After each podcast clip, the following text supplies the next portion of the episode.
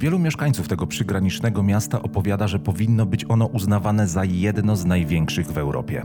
I choć wraz z czeskim Cieszynem liczy tylko ponad 63 tysiące mieszkańców i oba miasta zajmują łącznie 62 km kwadratowe powierzchni, to humorystycznie mówi się na jego ulicach, że jest ono tak wielkie, że musiało zostać przedzielone granicą, bo nie zmieściło się w jednym państwie. Gdyby wierzyć w legendę o jego powstaniu, do której przejdziemy zaraz po tym krótkim wstępie, można by również uznać je za najstarsze w Polsce.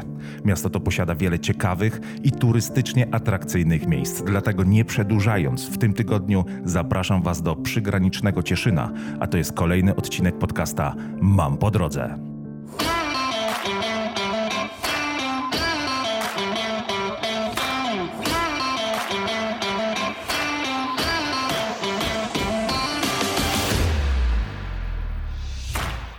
Legenda, o której wspomniałem we wstępie, jest bezpośrednio związana z pierwszą atrakcją tej miejscowości. Mówi o trzech braciach założycielach miasta Leszku, Cieszku i Bolku. Z małych chłopców wyrośli na mężnych wojowników i wprawionych myśliwych. Każdy z nich wraz ze swoją drużyną spędzał coraz więcej czasu penetrując okoliczne lasy w poszukiwaniu zwierzyny. Do zamku powracali tylko na nocleg. Pewnej lipcowej nocy ich ojciec, wielki władca, gdy nie mógł zasnąć, udał się na wieżę, aby zaczerpnąć świeżego powietrza i powspominać dawne młodzieńcze czasy swoich ukochanych synów. Widok bezgwiezdnego nieba i delikatny szum wiatru napełniały władcę spokojem. Nagle w oddali na zachodzie dostrzegł trzy ledwo widoczne gwiazdy, co w bezgwiezdną noc wydało mu się dość zagadkowe. Bogowie dają mi znak. Pomyślał i czym prędzej posłał strażników po swoich zaspanych jeszcze synów. Pojedziecie w tamtą stronę. Wszyscy trzej, każdy ze swoją drużyną i każdy z was obierze inną drogę, a kiedy liście posypią się z drzew, powrócicie. Idźcie zatem i czyńcie przygotowania, bo nowy dzień za chwilę zaświta. Przy pierwszym pianiu koguta Bolko, Leszko i Cieszko w pełnym rynsztoku wyruszyli w drogę. Zgodnie z wolą ojca każdy z nich pojechał inną drogą. Już drugiego dnia wędrówki sygnały, które wygrywali na rogach myśliwskich przestały docierać do pozostałych. Jechali długie dnie, tygodnie, a nawet i miesiące, zapuszczając się coraz bardziej w nieprzebytą dotąd przez nikogo gęstą puszczę. Gdy liście zaczęły mienić się złotymi barwami jesieni, każdy z nich coraz bardziej tracił nadzieję na spotkanie drużyny któregoś z braci.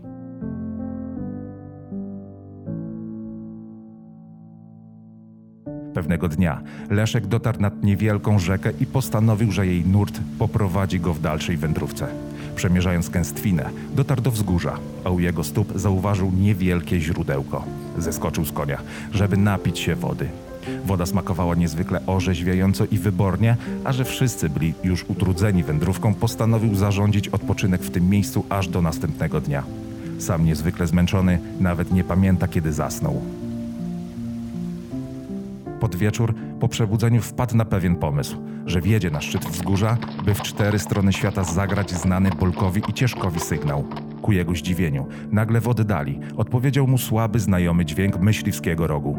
Wiedział już, że sygnalizuje on nadejście któregoś z braci. Nakazał więc czym prędzej rozpalić ogromne ognisko i przygotować wieczerze z jelenia. Sygnał z każdą kolejną chwilą stawał się coraz głośniejszy, a drużyna Leszka trwała w oczekiwaniu. Nagle, ku uciesze wszystkich z lasu wyłoniła się drużyna Bolka. Powitania i radości nie miały się ku końcowi. Po obfitej wieczerzy wszyscy zadawali sobie jednak tylko jedno pytanie. Jakie losy mogły spotkać ich najmłodszego brata Cieszka i czy jest jeszcze jakakolwiek szansa, że kiedyś ujrzą go ponownie? Gdy wszyscy odpoczywali, na przeciwległym brzegu rzeki usłyszeli narastający tętent koni. W całym obozie w jednej chwili zapanowało ożywienie.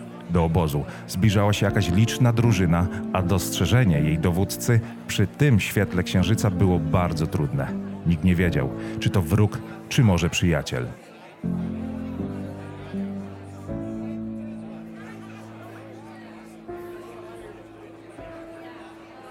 Jadący na przedzie nagle zatrzymał się i energicznie zeskoczył z konia, a jego śmiech i słowa powitania wydały się wszystkim dziwnie znajome. Po chwili zastanowienia Bolko i Leszko poznali przybysza. Bracie, toż to ciężko we własnej osobie. Radość, biesiada i opowieści o własnych przygodach trwała aż do bladego świtu. Rano Leszko przemówił w imieniu wszystkich drużyn. Uradziliśmy, że już dalej nie pojedziemy. Tu obok zdroju wypoczniemy, a kiedy słońce będzie wschodziło po raz trzeci, ruszymy w drogę do Grodziska. Ale wrócimy tu na zwiesnę, z ludźmi tu przyjdziemy i na wieczną pamiątkę spotkania zbudujemy na tym oto wzgórzu gród warowny, który nazwiemy Cieszynem, bo z naszego spotkania wszyscy się bardzo cieszymy. Inni opowiadali później, że to właśnie od imienia Cieszka, który przybył w tę piękną okolicę jako ostatni, dopełniając radości swoich braci, wziął swoją nazwę Nowy Gród. Legenda wspomina również, że właśnie tamtej pamiętnej jesieni, w roku 810, Bolko, Leszko i Cieszko, upamiętniając spotkanie na miejscu źródełka, wybudowali studnię, nazywając ją Studnią Trzech Braci, która do dzisiaj stoi przy wąskiej, malowniczej uliczce Starego Cieszyna i opowiada legendę o powstaniu miasta i wyjaśnia pochodzenie jego nazwy.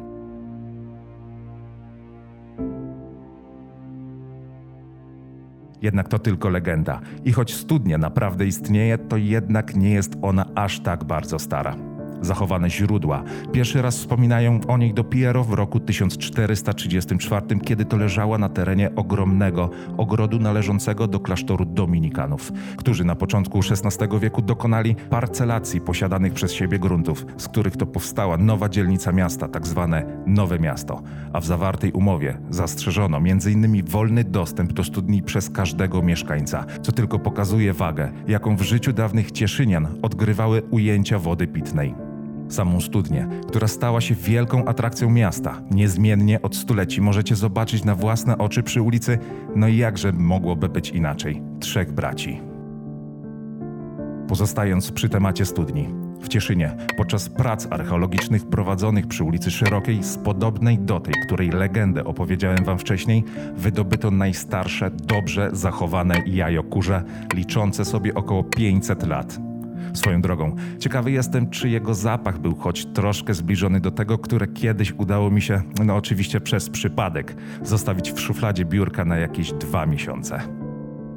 Ale oprócz swojego słynnego jaja, Cieszyn posiada również najsłynniejsze w Europie masło, produkowane w cieszyńskiej mleczarni pod nazwą T-Butter, które dawniej było przysmakiem na cesarskich stołach. Dzisiaj możemy je spotkać m.in. na austriackich półkach sklepowych. Co ciekawe, nikt nie jest w stanie wyjaśnić, skąd dokładnie wzięła się nazwa tego przesmacznego smarowidła.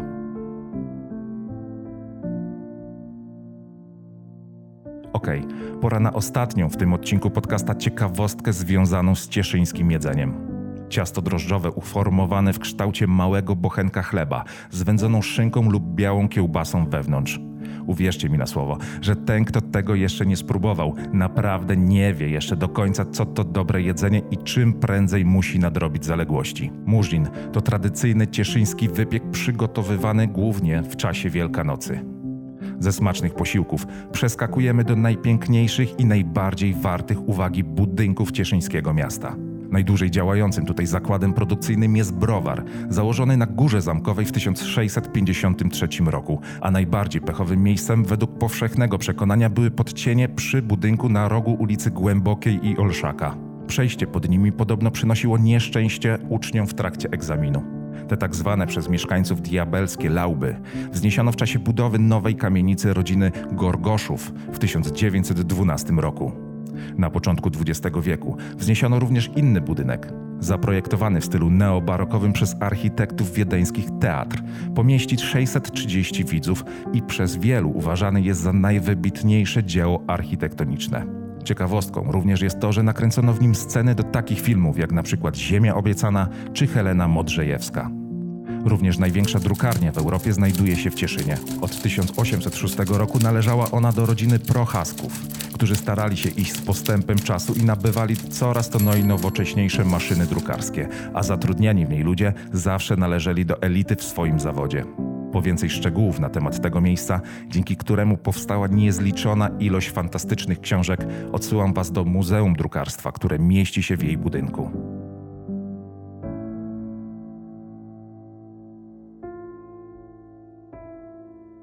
A czy może wiedzieliście, że w Cieszynie znajduje się być może nie największe tym razem, ale za to najstarsze, nieprzerwalnie działające muzeum w Europie Środkowej?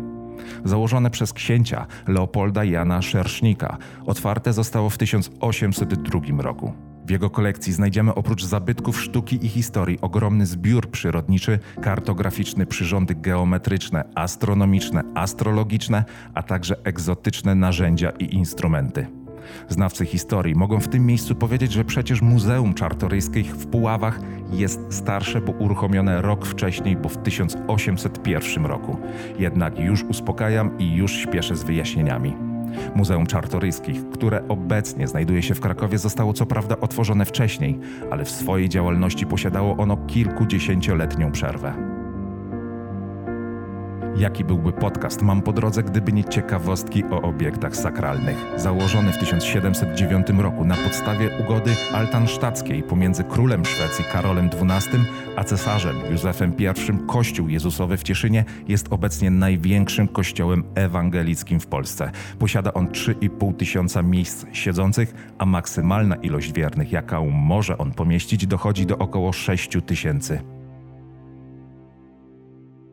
W samym centrum Cieszyna znajdziemy łącznie 8 kościołów, 7 katolickich i jeden protestancki, a najstarszym z nich jest kościół parafialny pod wezwaniem Marii Magdaleny, którego początki datowane są na XIII wiek. Przy ulicy Haszlaskiej na terenie Cieszyna znajdziemy tak zwany stary cmentarz żydowski. Gdyby przyjąć wciąż powtarzaną tezę, że powstał on w XIV wieku, można by go nazwać najstarszą nekropolią żydowską w Polsce. Jednak wszystko wskazuje na to, że zaczął on działać dopiero w 1647 roku i był on użytkowany do początku XX wieku.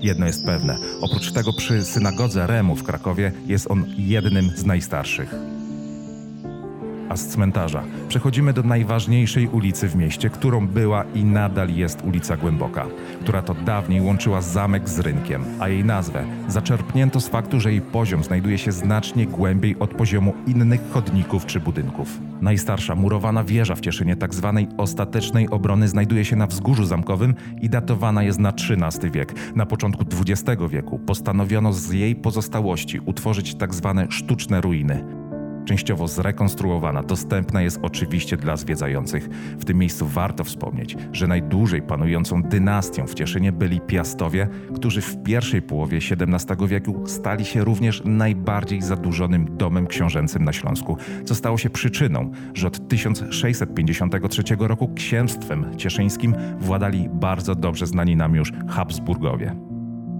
Ciekawostką również jest kolejna najstarsza budowla murowana na Śląsku, której wizerunek każdy z Was może zobaczyć sięgając do własnego portfela i wyjmując z niego banknot 20-złotowy. A to jest romańska rotunda pod wezwaniem świętego Mikołaja i świętego Wacława z XI wieku, znajdująca się na wzgórzu zamkowym. Ta romańska świątynia wpisuje się w liczną grupę podobnych kościołów grodowych znanych z terenów Czech i Moraw.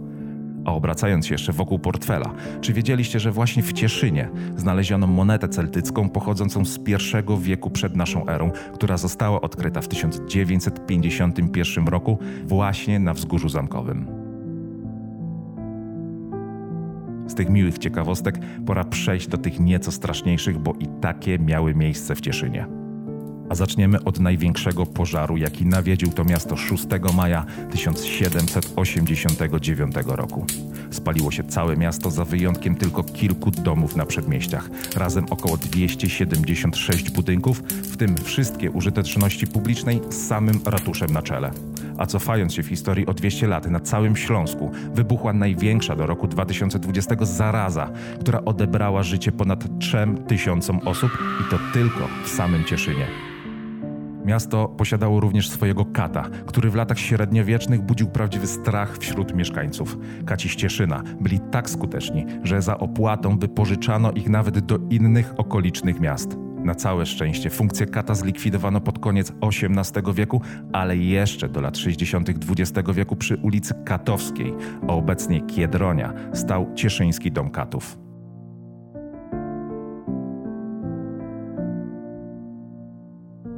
Cieszyn posiadał w swojej historii naszego polskiego odpowiednika Robin Hooda, zwanego na tutejszej ziemi Ondraszkiem, który, tak jak jego znany dzisiaj wszystkim kolega, również na pobliskich ścieżkach z zaskoczenia grabił zamożnych i dzielił się pozyskanym łupem z biednymi. Ostatnią ciekawostką, zanim przejdziemy do atrakcji turystycznych miasta, jest ta, że w Cieszynie działała najkrótsza i najkrócej działająca trasa tramwajowa.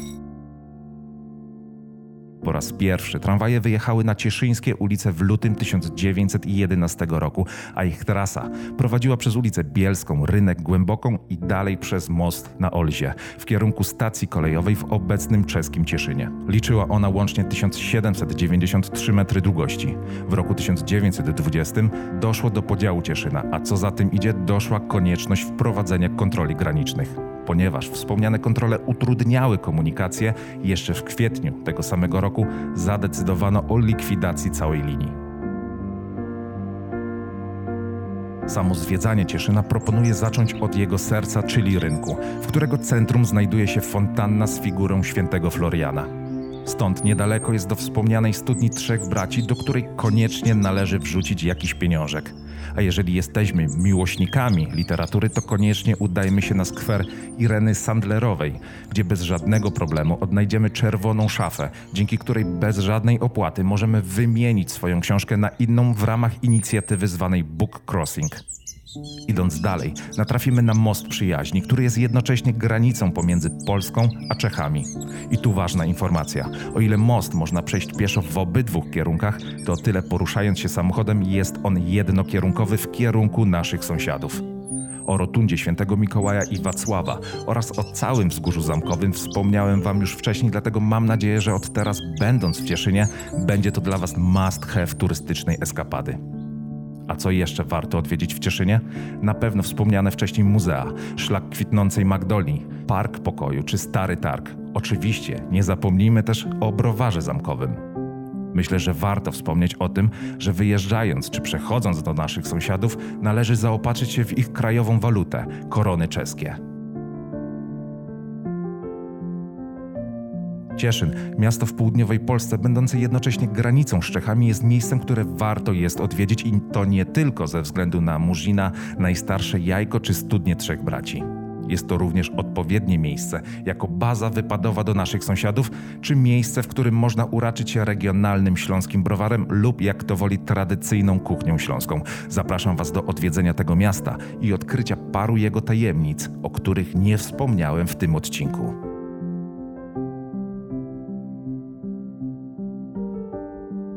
Odcinek o Cieszynie jest 15 z serii Mam po drodze i jednocześnie jego ostatnim w tym sezonie. Ale spokojnie, obiecuję, że sezon drugi tego podcasta na pewno się pojawi, dlatego zachęcam do obserwowania kanału na platformach nas udostępniających, takich jak Spotify, Anchor, iTunes czy Google Podcast. Zapraszam również do obserwowania kanału na Twitterze czy Instagramie, do których dostęp znajdziecie w opisie tego odcinka, a dzięki którym jako pierwsi dowiecie się o nowych podcastach i nowych miejscach, które są nie tylko tajemnicze, ale również ciekawe i warte odwiedzenia. Mam nadzieję, że do usłyszenia już wkrótce i jak zawsze życzę Wam turystycznie udanego weekendu.